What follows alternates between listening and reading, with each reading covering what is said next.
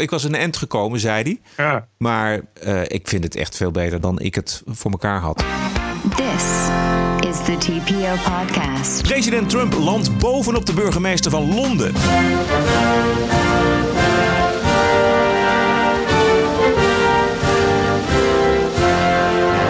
Eén vandaag wil Amerikanen laten betalen voor Nederlands leger. Because the Dutch hebben ook nog andere uitgaven. Because they also have to pay for health service and for education. En Brad Easton Ellis. Where are we? Sometimes I think I'm going mad when I hear young people talk about shit like this. Aflevering 1, 2, 3. Ranting and Reason. Bert Bresson. Roderick Phalo. This is the award-winning TPO podcast. Het is maandagavond 3 juni. De dag dat de TPO-podcast een nieuw geluid heeft. Met dank aan een professionele geluidsman, Dion. En iedereen die aan ons doneert. Want dankzij jou kan de TPO-podcast weer ietsje professioneler klinken. Terwijl je gewoon uh, Dion hebt betaald met een tientje en een biertje. dus je houdt gewoon dat geld hou je dan zelf achter. Dan ga je van lekker op vakantie. Ja. In een luxe hotel in New York. Ja.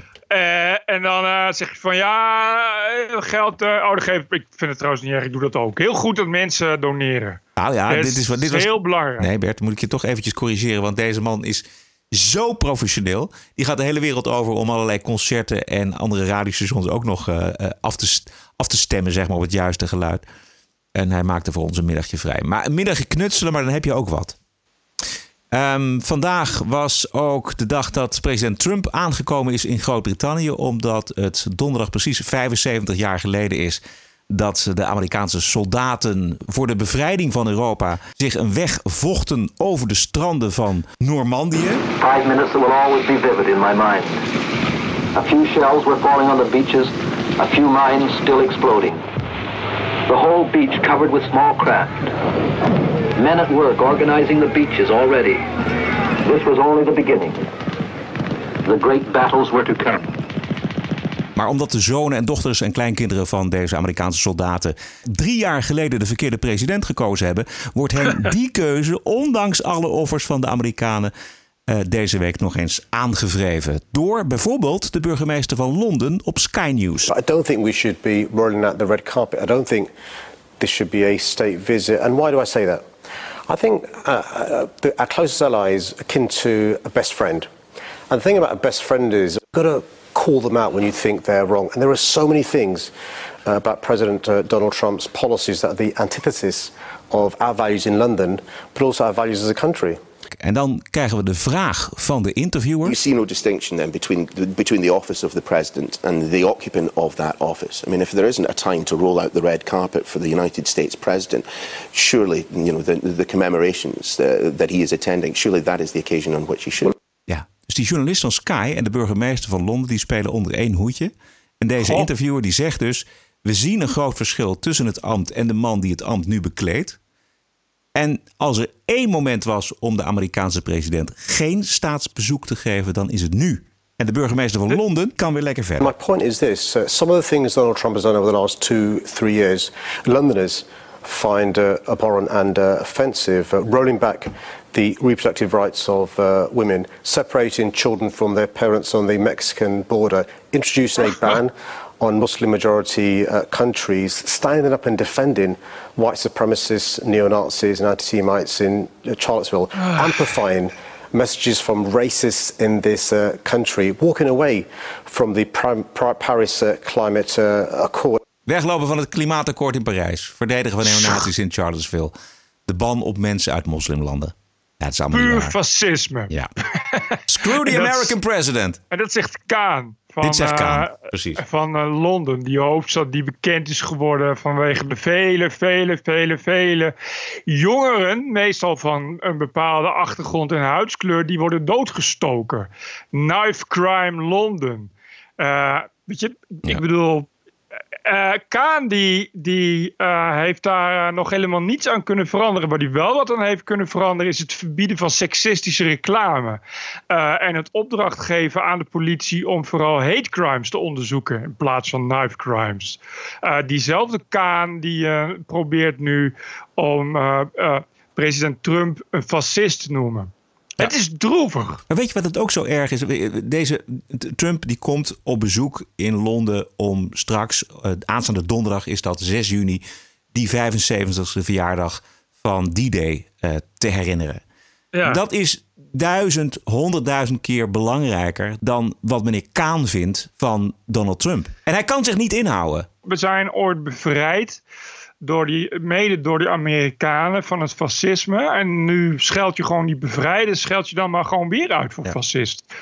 En op basis van nul gronden telkens. Weet je, de, wat zegt hij nou? Ja, uh, ja scheidt vrouwen en kinderen. Wat, wat een Obama-wet is.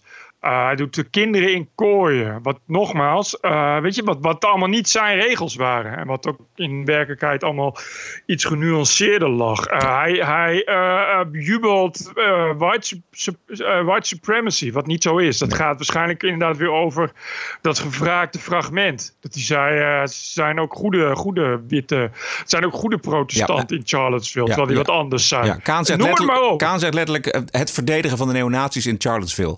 Nou, wij, hebben, we hebben hier in deze podcast, maar ook natuurlijk in elders in de hele wereld, is al vaker uh, die uitspraken gedebunked. Juist met de uitspraken van Trump in een speciale persconferentie over Charlottesville. En het feit dat deze Kaan dit nu weer noemt, dat zegt alleen maar iets over de politieke agenda van deze burgemeester van Londen. Nou ja, ik, ik vind ook wat ik zeg. Weet je, als je de stad er nou een beetje mooi aan toe is, maar dat is het ook niet zo. Het is niet dat Londen nou uh, één groot paradijs is. Integendeel, ik zag uh, uh, drie dagen geleden zijn, stond nog een uh, schokkend verhaal in de Daily Mail. Maar dat is natuurlijk ook een foute haatkant, dat begrijp je. Hoe dan ook, uh, de feiten waren wel waar. over die, die anti-Israël organisatie. Dat, wat is dat? BDS? B SBD, ja. hoe dan ook. Zo'n zo boycott Israël. En dan blijkt dat er gewoon meerdere Joodse, Joodse winkeleigenaren... die zijn gewoon kapot gemaakt. Er zijn een aantal bij. Die zijn die zijn inmiddels zijn ze het land uitgevlucht omdat ze, omdat ze het gewoon niet meer aan, aankonden. Die, die zijn uh, meerdere jaren lang uh, krijgen ze verfbommen op hun ruit. Er staan elke dag demonstranten voor de deur te schreeuwen dat ze moordenaars zijn. Weet je, uh, sabotage, bedreigingen, je kinderen worden bedreigd, noem allemaal maar op.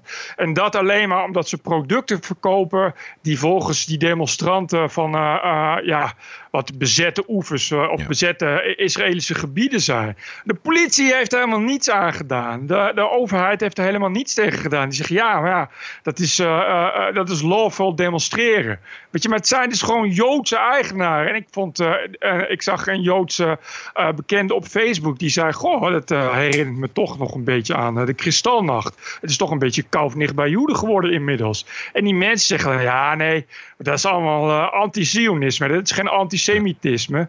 Maar ja, het gebeurt wel allemaal in het Londen van Kaan. Ja, niet alleen in Londen trouwens, dit speelt zich in heel Europa af. Ja. Uh, ondertussen krijgt Trump wel uh, vandaag alle egaars. Ik weet niet of je het gezien hebt van de koninklijke familie. En uh, het is ondanks de klachten van de burgemeester van Londen toch echt een staatsbezoek in volle omvang. Zometeen meer Amerikanen. TPO Podcast.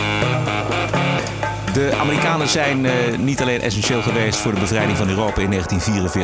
Ze staan ook al 70 jaar garant voor de verdediging van Nederland en de rest van het NAVO-gebied. Maar de laatste 25 jaar is Nederland een van de grootste wanbetalers van de NAVO. En laat het liever uh, de Amerikaanse belastingbetaler voor zijn veiligheid betalen. Afgelopen week hoorde ik een aantal verbijsterende vragen hierover op één vandaag op de televisie in Nederland aan de Amerikaanse ambassadeur Piet Hoekstra. Uh, the Dutch could uh, invest significantly. They've just decided that they're going to spend somewhere else. Yes, because they also have to pay for health service and for education. you know what? We I think that's important too. So do we in America.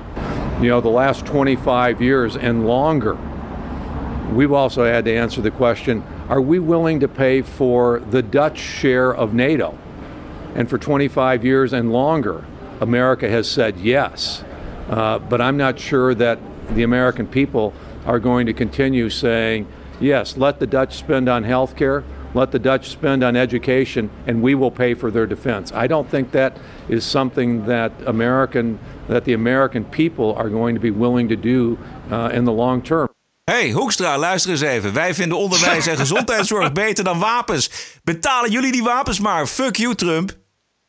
wat een flutjournalistiek toch weer. Hoe Ik, eh, kom je daarbij? Wie was, wie was dat? Ja, Iemand van een vandaag. Ah. Het is echt als inderdaad dat je zegt van... eh, weet je, nou, dan, dan begrijp je het wel. Want wij hebben gewoon hier geld te besteden aan, eh, aan, eh, aan zorg en onderwijs. Bovendien, het is waarschijnlijk een steek onder water. Zo van, want eh, in Amerika doen jullie daar niet aan. Wat natuurlijk helemaal niet waar is. Wat, ook zo'n zo'n zo'n typische treurige Nederlandse opvatting is van Amerikanen. Dit is ook de insteek waarin zo'n verslaggever naar, naar Piet Hoekstra gaat. Weet je, dat is, dat is een Amerikaan, een cowboy. Dus daar moet je een beetje lacherig over doen. En een beetje, een beetje, een beetje neerbuigend. Want die Amerikanen, ja, die zijn allemaal gek. Die, eh, die hebben geen eens, die hebben geen eens een, een, eh, een volledige verzorgingsstaat zoals in Nederland dat ja, hebben. ja, precies. Dat je met de, met de, de morele afweging maakt als Dat. interviewer en zegt: ja, maar gezondheidszorg en onderwijs zijn eigenlijk beter dan de verdediging. We hebben, wij, we hebben wel beter, we hebben wel ons geld wel beter te besteden. En de, en de, en de onderwijs en, eh, en de gezondheidszorg in Nederland gaan fantastisch. Dat scheelt. Dat is al goed dat, goed dat we dat als argument kunnen aanvoeren tegenover iemand die dus inderdaad. eh, eh, ja, sinds de Tweede Wereldoorlog en daarvoor al, om toch nog even zo in het tijdstip van die idee te blijven, toch er alles aan hebben gedaan om te voorkomen dat Nederland, dat kleine landje, met één vuistslag tot pulp wordt gestampt. Dus het is eh, echt weerzinwekkend. Bovendien eh, zijn er nog genoeg posten waarop kan worden bezuinigd. Maar ja, dat zal die mevrouw van één vandaag, wat van de publieke omroep is, niet zo heel leuk vinden. Als ze die 800, euro, 800 miljoen euro per jaar van de publieke omroep nou eens gaan besteden aan bijvoorbeeld Defensie. Dat zou mij nou eens een goed idee lijken. Maar ik denk dat die mevrouw met haar vaste aanstellingen en haar omroep-CAO en haar dijk van een pensioen bij de NPO dat niet zo'n goed idee vindt. Nee. Het, het toont ook de naïviteit die ik toch ook weer hoor uit de jaren tachtig. Daar, ga, daar gaan we toch Juist. maar weer eventjes, weet je wel. Het, eh, het gebroken geweertje en eh, banden, bandenbom en tegen de kernraketten. Een soort naïviteit en het, totaal geen besef van de realiteit en de werkelijkheid op het wereldtoneel. Van, eh, weet je, wat, wat moeten we eigenlijk met die Amerikaanse wapens? Wat moeten we daar eigenlijk mee? Nou ja, waar, ik- ik- Bernie Sanders denkt er dus ook zo over. Dat, geen grap. Die zegt dus: van eh, als ik aan de macht kom, dan wil ik ervoor gaan zorgen dat we veel minder geld gaan besteden aan wapens en aan defensie. En veel meer geld aan het bouwen van, let op, een wereldcommunity. een wereldcommunity. En hoe gaan we dat doen? Ja, dat raad je nooit. Door gratis gezondheidszorg, gratis onderwijs, gratis eh, uitkeringen. Nou, Aan de hele wereld?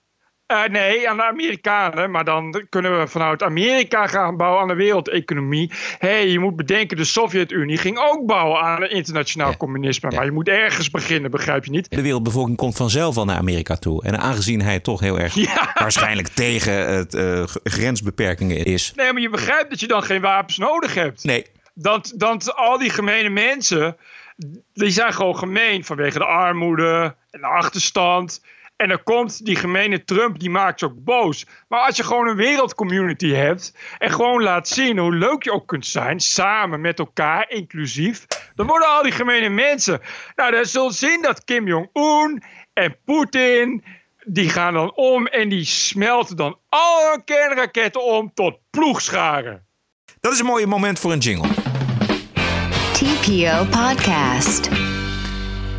Het moet je zijn opgevallen, Bert. De Britse komiek John Cleese die kreeg de hele haatbrigade op Twitter achter zich aan. Woensdag twitterde Cleese dat eh, steeds meer vrienden zijn observatie delen dat Londen er steeds minder Engels uitziet. En daarmee doelend op eh, de expats en de immigranten die het straatbeeld bepalen. Dat had hij nou niet mogen zeggen, want racisme, xenofoob en anti-EU vooral. De tweet heeft meer dan 11.000 comments gekregen. Ongelooflijk, hè? Ik vond het echt een, echt een. Ja. Eh, het, het is nog heel wat dat hij niet al van Twitter geband is. Maar dat terzijde. Het is natuurlijk... die John Cleese is natuurlijk gewoon eh, al zo lang een komiek. eh, en is al zo lang gewend dat hij, dat hij toch gaat zeggen wat hij wil. Dat die boze tweets hem niet zullen kunnen raken, vermoed ik. Uh, bovendien is hij ook al uh, 103, dus het zal hem allemaal weinig kunnen schelen. Maar hij heeft natuurlijk best wel een beetje gelijk. En het is een heel raar argument om te zeggen: ja, dat is anti-Europees of anti-EU. Er was een, een dame, Victoria, die schreef: uh, Well, thank goodness for that. I personally can't stand Englishness. And I take zero pride in having been born in Little England. I love being part of a London that is proudly British, European and open. En dat was het hele anti-EU-aspect, weet je wel. Want de, de opmerking van Klies werd dan vertaald van... oh, Engels, het moet Engels, kleinburgerlijk, zoals het vroeger was ik vind het heel goed dat, dat iemand als Cleese daar nog als een van de weinigen überhaupt dingen durft te zeggen. Want dat is een beetje waar het om gaat. Het maakt natuurlijk niet zoveel heel veel uit wat hij zegt. Het is echt, je voelt een beetje dat je dat dus ook niet mag zeggen. Uh, en hij zegt gewoon, en hij heeft er uh, vaker interessante dingen over gezegd. Overigens net als Rowan Atkinson. Dat is ook zo iemand die daar uh, heel goed mee bezig is. En die daar heel erg scherp op zit. Op die vrijheid van meningsuiting. Uh, dat is toch iets wat juist heel erg Brits uh, was en zou moeten blijven. Wat ook steeds meer weg uh, dreigt te gaan. Eigenlijk in L-tempo. Dat je ook die mening gewoon niet meer mag uiten. Omdat je dan bang moet zijn voor de mobs die je komen halen. en in Londen waarschijnlijk zelfs de politie die gewoon op je deur komt te kloppen. en, dat soort, en dat soort dingen. ik las ook bijvoorbeeld dat het Britse leger heeft een uh, officieel protocol uh, in het bestrijden van extreem rechts. En extreem rechts binnen het leger is zo'n beetje iedereen die te nationalistisch en te patriotistisch is. Wat op zich al merkwaardig is voor een Brits leger. Je zou denken dat je uh, een Brits leger bent voor Groot-Brittannië. Maar goed, daar staat ook in dat mensen die de hele tijd opmerkingen maken als Londenistan of, of andere uh, Britse namen van steden en daar Istaan afzeggen. Of kritiek hebben op de islam in de gaten moeten worden gehouden. Want die zijn mogelijk aan het extreemrechts radicaliseren. Uh, dit is een beetje dus wat er gaande is in Groot-Brittannië. En dit is dus een serieus ding wat wordt gepusht door de hoogste Britse legerleiders. Uh, ze hebben nu een nieuw spotje, want ze willen dus zoals je begrijpt, uh, een heel erg inclusief leger. Ze hebben nu een nieuw spotje en daarin zie je vijf militairen die op patrouille zijn in een verder onbekend land, in zo'n open buggy. Dat ding stopt en vervolgens gaat één van die vijf militairen gaat op de grond bidden naar het oosten. Hey. en, de, en de tagline is dus dat je soldaat bent, dus ook respect hebt voor de religie van je kameraden. Moet jij je voorstellen dat je in Afghanistan op patrouille bent en dat je vijf keer per dag moet stoppen omdat je kameraad wil bidden omdat hij moslim is. En dat is dus het leger van Groot-Brittannië op dit moment. Waar het uh, overigens sowieso niet al te best mee voorstaat, maar dat terzijde. En dit is wat gaande is. Dus uh, ik ben heel blij dat iemand als uh, John Cleese uh, zijn stem daar in elk geval nog over durft te roeren. En in elk geval nog iets durft te zeggen van wat hij vindt. Want dat wordt wel in, in L-tempo echt minder in Groot-Brittannië. Ja. Het, het volgt wel dat hij dus uh, eh, 11.000 mensen achter zich aankrijgt. Uh, waarvan een deel positief trouwens en een uh, groot deel ook negatief. Juist. Um, mensen hebben hun emoties niet meer onder controle op Twitter. waar nog wel eigenlijk, kun je afvragen. En daarom leven we in van die hypergevoelige tijden. Daar heeft John Cleese ooit iets, iets moois over gezegd. If people can't control their own emotions, then they have to start trying to control other people's behavior. And when you're around super sensitive people, you cannot relax and be spontaneous because you no idea what's going to upset them next. TPO Podcast. This is CNN breaking news. Donald Trump is not going to be president of the United States. Welcome to Morning Joe. Mr. President, if there is no collusion. The government shutdown is now in week four. Today was not just like a normal stormy day in the news. This is not just my opinion. TPO Podcast. This is evidence. Ja, we hadden natuurlijk het eenmalige unieke optreden van Robert Mueller, die het onderzoek leidde naar de samenzwering, de vermeende samenzwering van het Trump-team met de Russen. No collusion found. Maar er zat een snipper in zijn verklaring waar democraten verder mee kunnen, namelijk deze. If we had had confidence that the president clearly did not commit a crime, we would have said so. Every defendant is presumed innocent unless and until proven guilty. Hij zegt dus iets raars. Hij zegt iemand is uh, onschuldig zolang schuld niet bewezen is. Maar hij zegt ook als Trump helemaal onschuldig was geweest, dan hadden we het wel vermeld. Maar ja. hij vermeldt niet dat Trump schuldig is. Dus Trump is beide en onschuldig en niet onschuldig. Hè? Het is echt, waar rook is, is vuur, zegt hij. Ja. Het is echt een bizarre verklaring. Ja, vond ik ook. Maar ik, nou, ja, hij zal er zelf wel uh, over nagedacht manier, hebben. Uh, op een bepaalde manier in zitten dan. Ik bedoel, want dat is, dat is zelf, dat ga je zeggen van ja, als het OM een onderzoek naar je doet, ben je altijd een soort van schuldig. Want anders is er geen onderzoek nodig. Ja, precies. Dat slaat natuurlijk, dat slaat natuurlijk nergens op. Nee. Ondertussen wil een deel van de Democraten impeachment en een deel wil dat niet. Er is één Republikeins congreslid die is ook voor het afzetten van de president. Zijn naam is Justin Emish. Uh, zijn feest voor Lawrence. Stop the hammering! O'Donnell van MSNBC. We now have the single most clear, concise, and eloquent statement in favor of impeachment of President Trump by a member of the House of Representatives, and that member is a Republican. Michigan, Michigan, Congressman Justin Amash made history on Saturday afternoon when he became the first Republican member of Congress to advocate impeachment of President Trump in a series of flawlessly composed tweets. Zijn feestje op links dus. Maar waar geen melding van wordt gemaakt, is de tegenstand die deze Justin Amash krijgt van iemand in de zaal. Haar naam is Anna Timmer.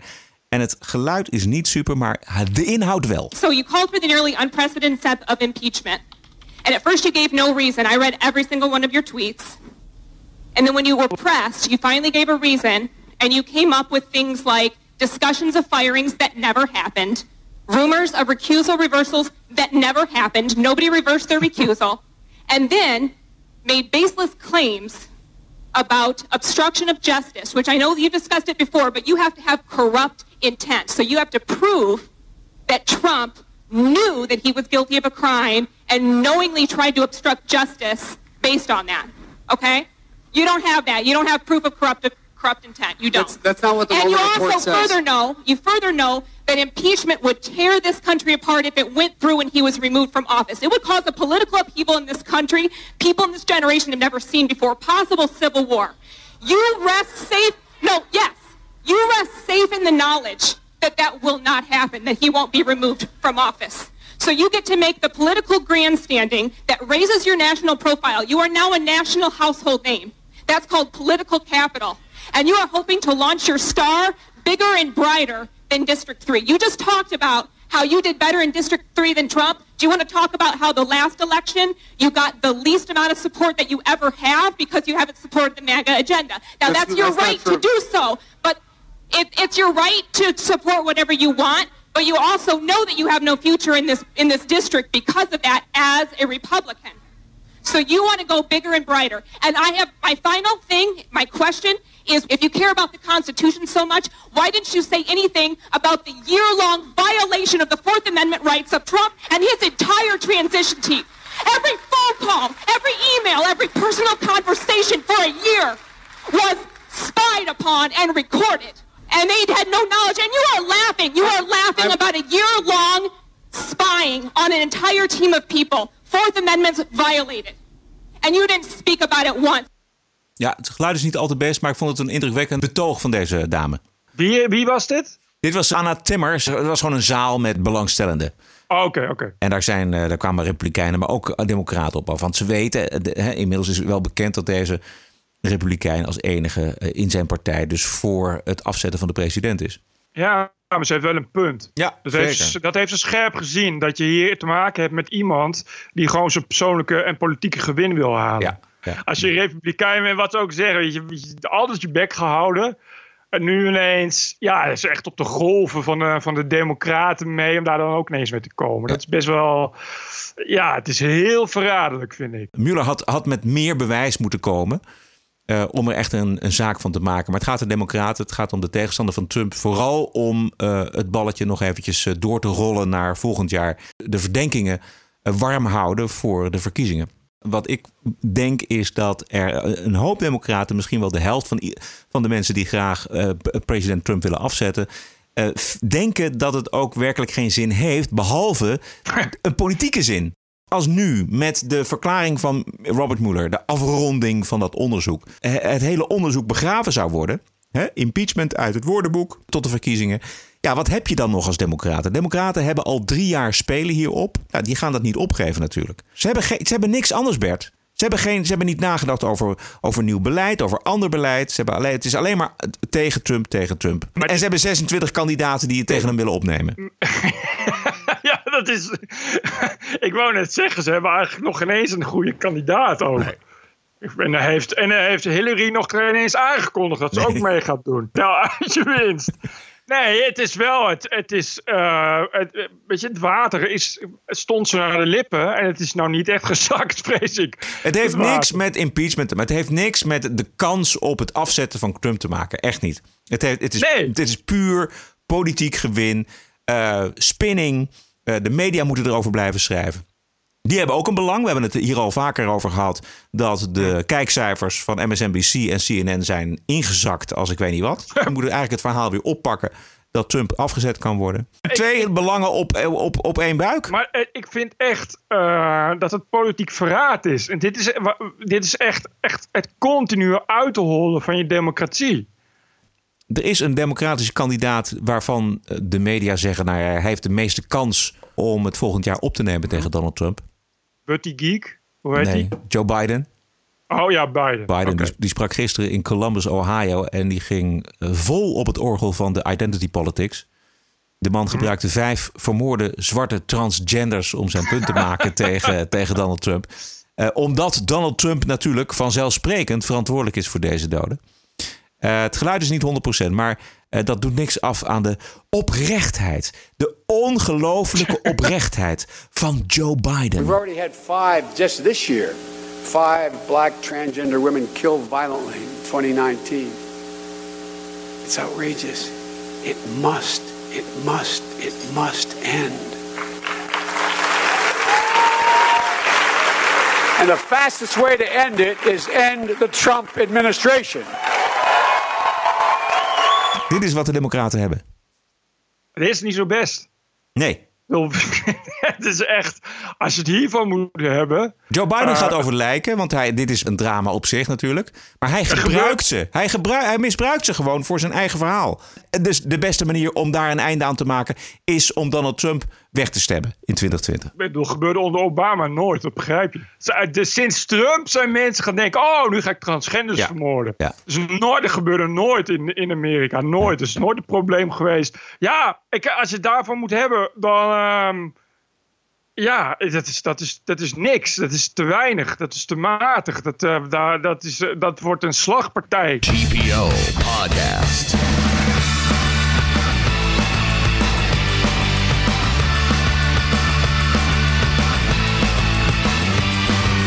Ranting and Reason.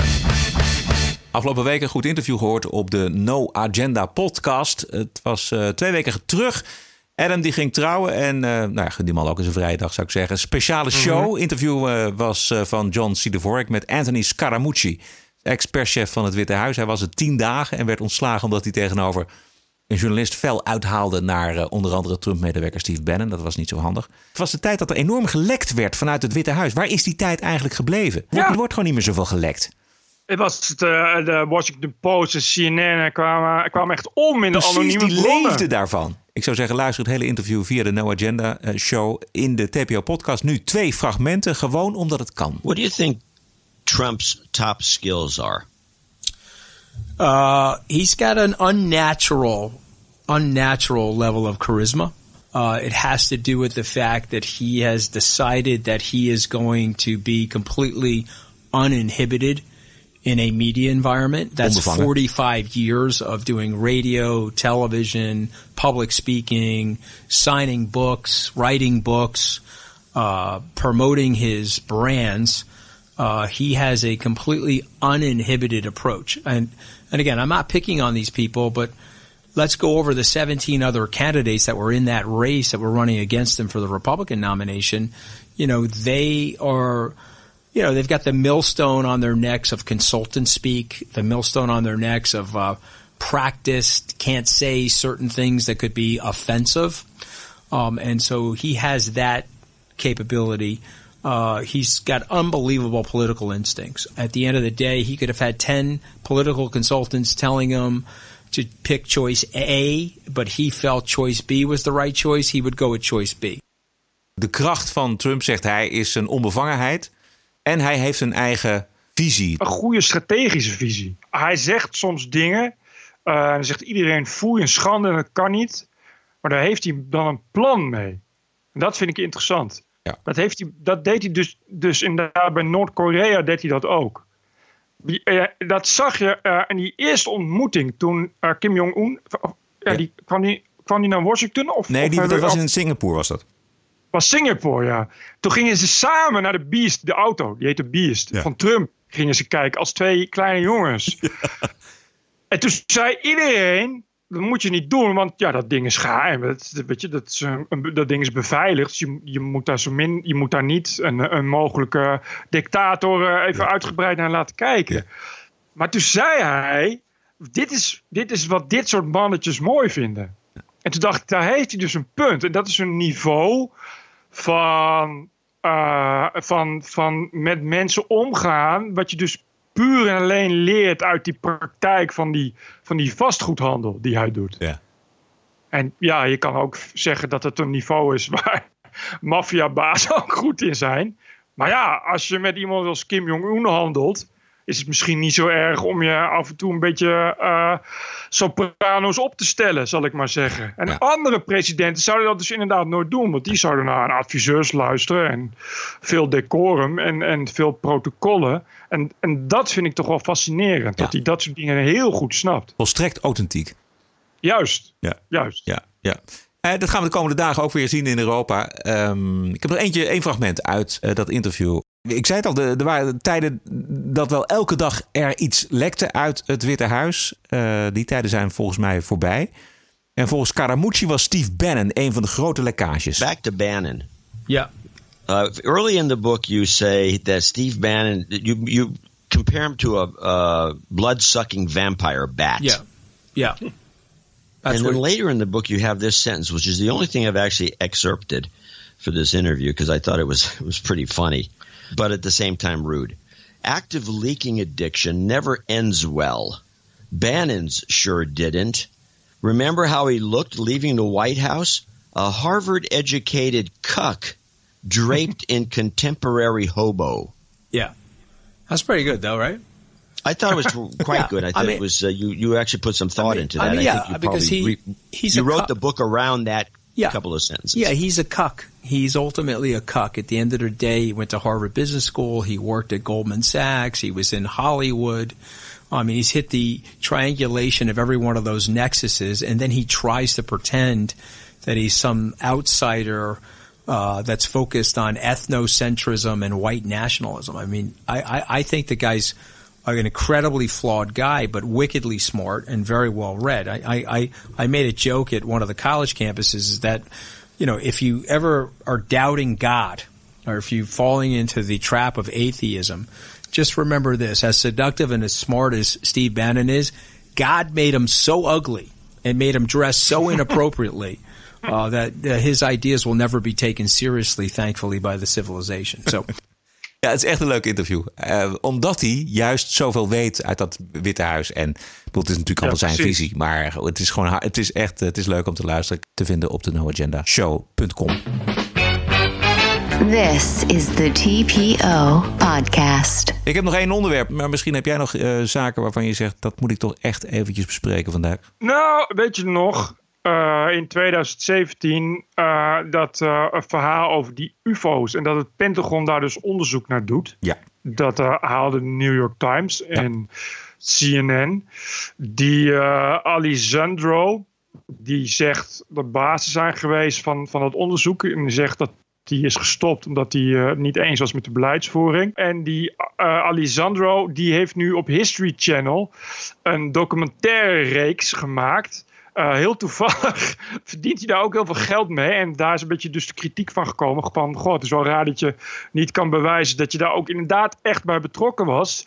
Eh, en nu ineens met allemaal dingen komt die je ook niet kan bewijzen. Maar daar wel veel geld in verdient. Hoe dan ook.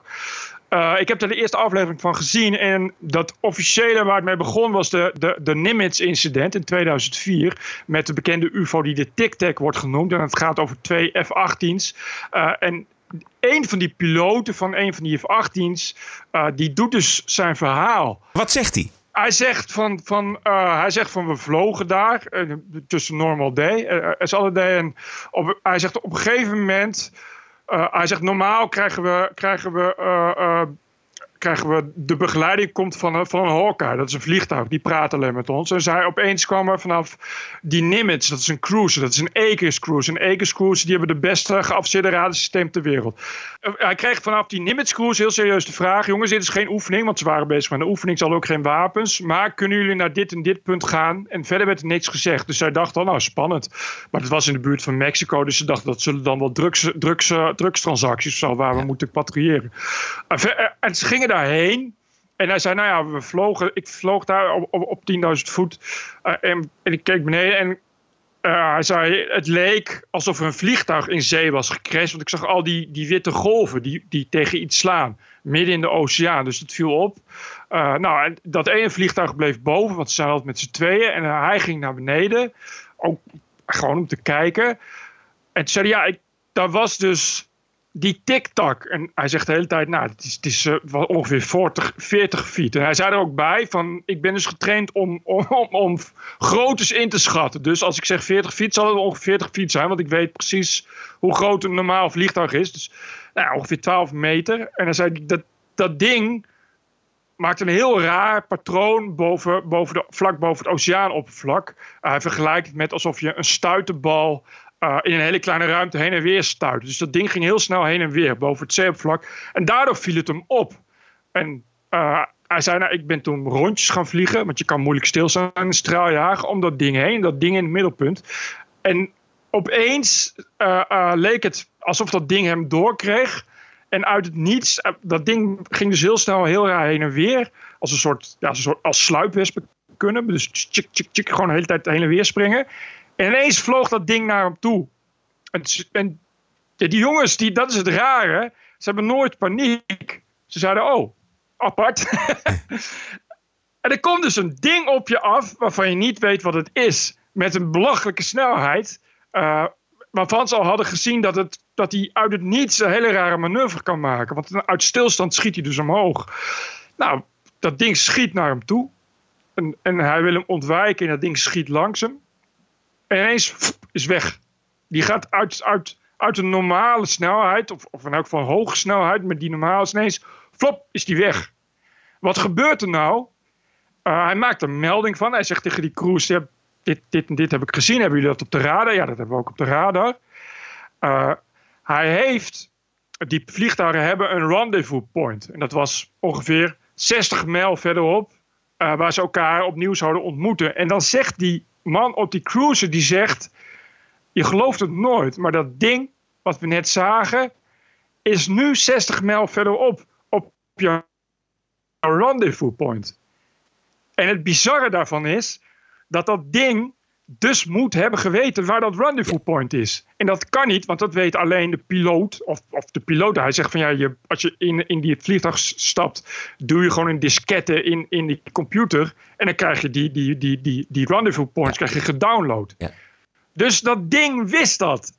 Wat, wat natuurlijk absurd, absurde ja. gedachte is. Is uitgerekend dat dat ding een snelheid moet hebben die ongeveer iets hoger is dan 3,5 G om daar te kunnen komen in zo'n korte tijd. Ja, dat, wat, dat wat een absurd hoog, ja. dat is supersonisch, ja. weet je, dat, dat is een absurd hoge snelheid. Dus er gaat een ander vliegtuig, gaat naar dat rendezvous point en die hebben dat gefilmd. Ja, maar als je die man hoort praten, het is zo'n serieuze man, waarvan je weet dat hij zoveel kennis en zoveel kunde heeft. Uh, uh, meer dan 4000, 4000 nog wat vlieguren, uh, active combat, diverse missies gevlogen. Ja. En tot, die mensen, tot op het bot nuchter en, en technisch. Ja, ja, en die mensen, en hij zegt ook gewoon de hele tijd van ja, het kan niet wat ik zie, maar ik heb het gezien. En het staat ook op radar. En, en ja, er wordt natuurlijk ook de hele tijd gevraagd van wat denk je dat het is. En het enige wat hij kan zeggen, ik weet het niet. Het, het, is, het is, wat ik heb gezien is onmogelijk ja. met onze kennis die we hebben, is het onmogelijk. En, en, wat, wa- hoe loopt het af, dit, dit geval? Ja, niet. eh, dat ding, dat, er komt dus een ander vliegtuig en die filmt dat. En daar zie je die filmpjes van. En hij zegt ook van, dit is, dit is... Hij zegt van, ja, wat vrijgegeven is in dit geval... is ook het enige wat we hebben. Dat is anderhalf minuut een film. En je ziet ook in dat filmpje dat die, eh, dat vliegtuig houdt dat ding in het midden in de camera. En, en die, die gast achterin, die F-18 zijn twee piloten, die doet dat. En je ziet dat die verschillende standen, dus veraf, dichtbij, infrarood... om dat ding te pakken te krijgen in beeld... En dat, dat lukt ongeveer een minuut. En dan zie je ook dat hij ineens vanuit het middelpunt van het beeld. pop, schiet hij weg naar de zijkant. Eh, en, en als je daar verstand van hebt, weet je dat het met een achtelijk hoge snelheid is. Omdat je, je kan niet zomaar uit die lens verdwijnen. Zeg maar, want dat vliegtuig is natuurlijk heel ver, eh, eh, ver weg van dat ding. History dat- Channel? Dat was ja, History Channel. En je moet even zoeken, want, het, want, want als je geen History Channel hebt zoals ik, dan staat het gewoon wel online. Het wordt natuurlijk gewoon meteen geript en online gezet. Ah, het is fascinerend. TPO Podcast. Het nieuwe boek van auteur en filmcriticus Brad Easton Ellis is een hit. White heet het. Het is nu ook in het Nederlands vertaald. We hebben het boek al eerder besproken, Bert. Maar eh, er is nu ook een interview. Interviewster is een millennial en die heeft millennial vragen. Who are you to decide what's art and what's not art? Some this is art and that's it's. Of course, I'm allowed to decide. Of course, I'm a writer. I'm a critic. Yeah. Well, well, No, I of know. course, I'm allowed to decide.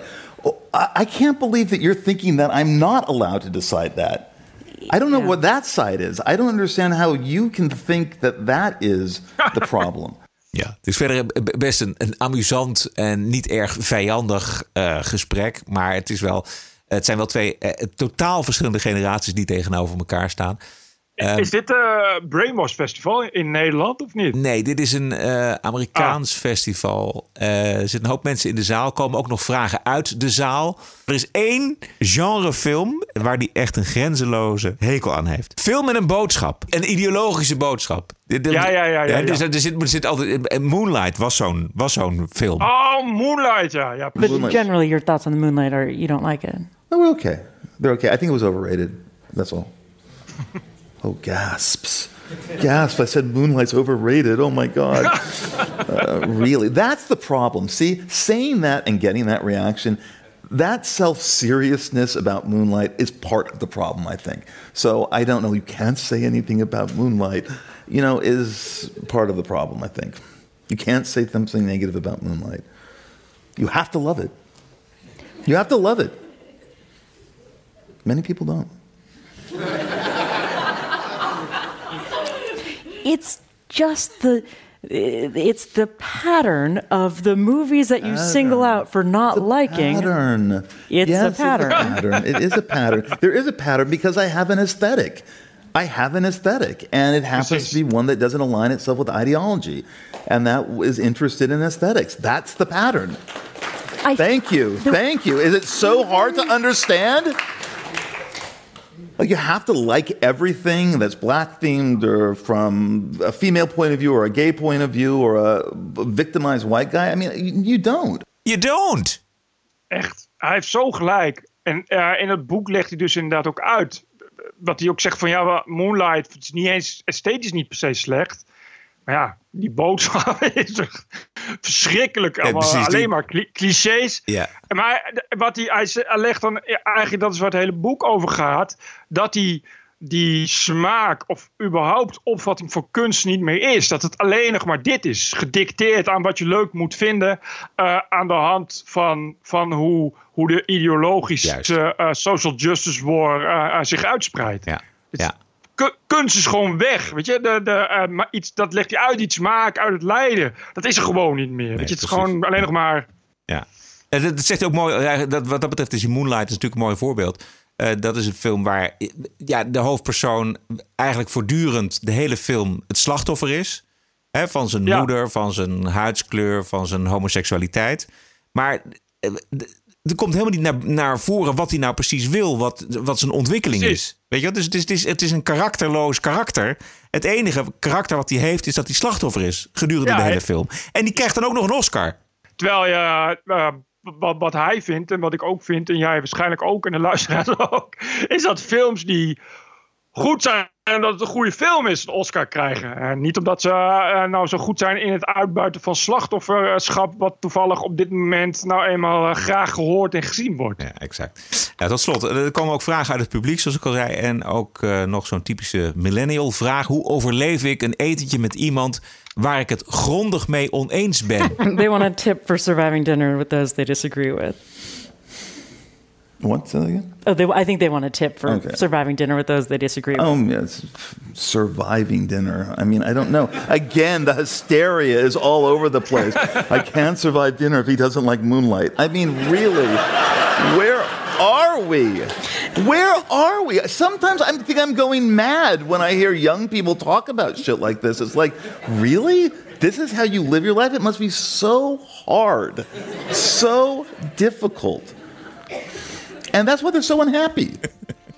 En hij leeft dus met zo'n millennial. Ja, hè? precies. Ja, ja, ja. Die, die, die inderdaad na, na Trump en zo twee maanden lang alleen nog maar depressief op bed lag. En, eh, en dat soort onzin. Dus ja.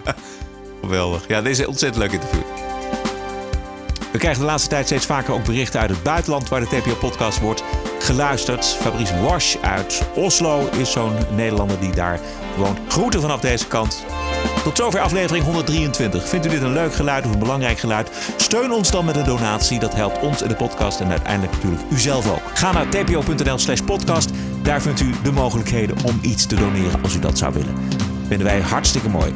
Een goed gebaar, een mooi gebaar, zijn we heel erg blij mee. Wij zijn terug dinsdag 11 juni. Heb een mooie week en tot dinsdag. Ja, tot dinsdag. TPO Podcast. Bert Bruson, Roderick Balo, Ranting and Reason.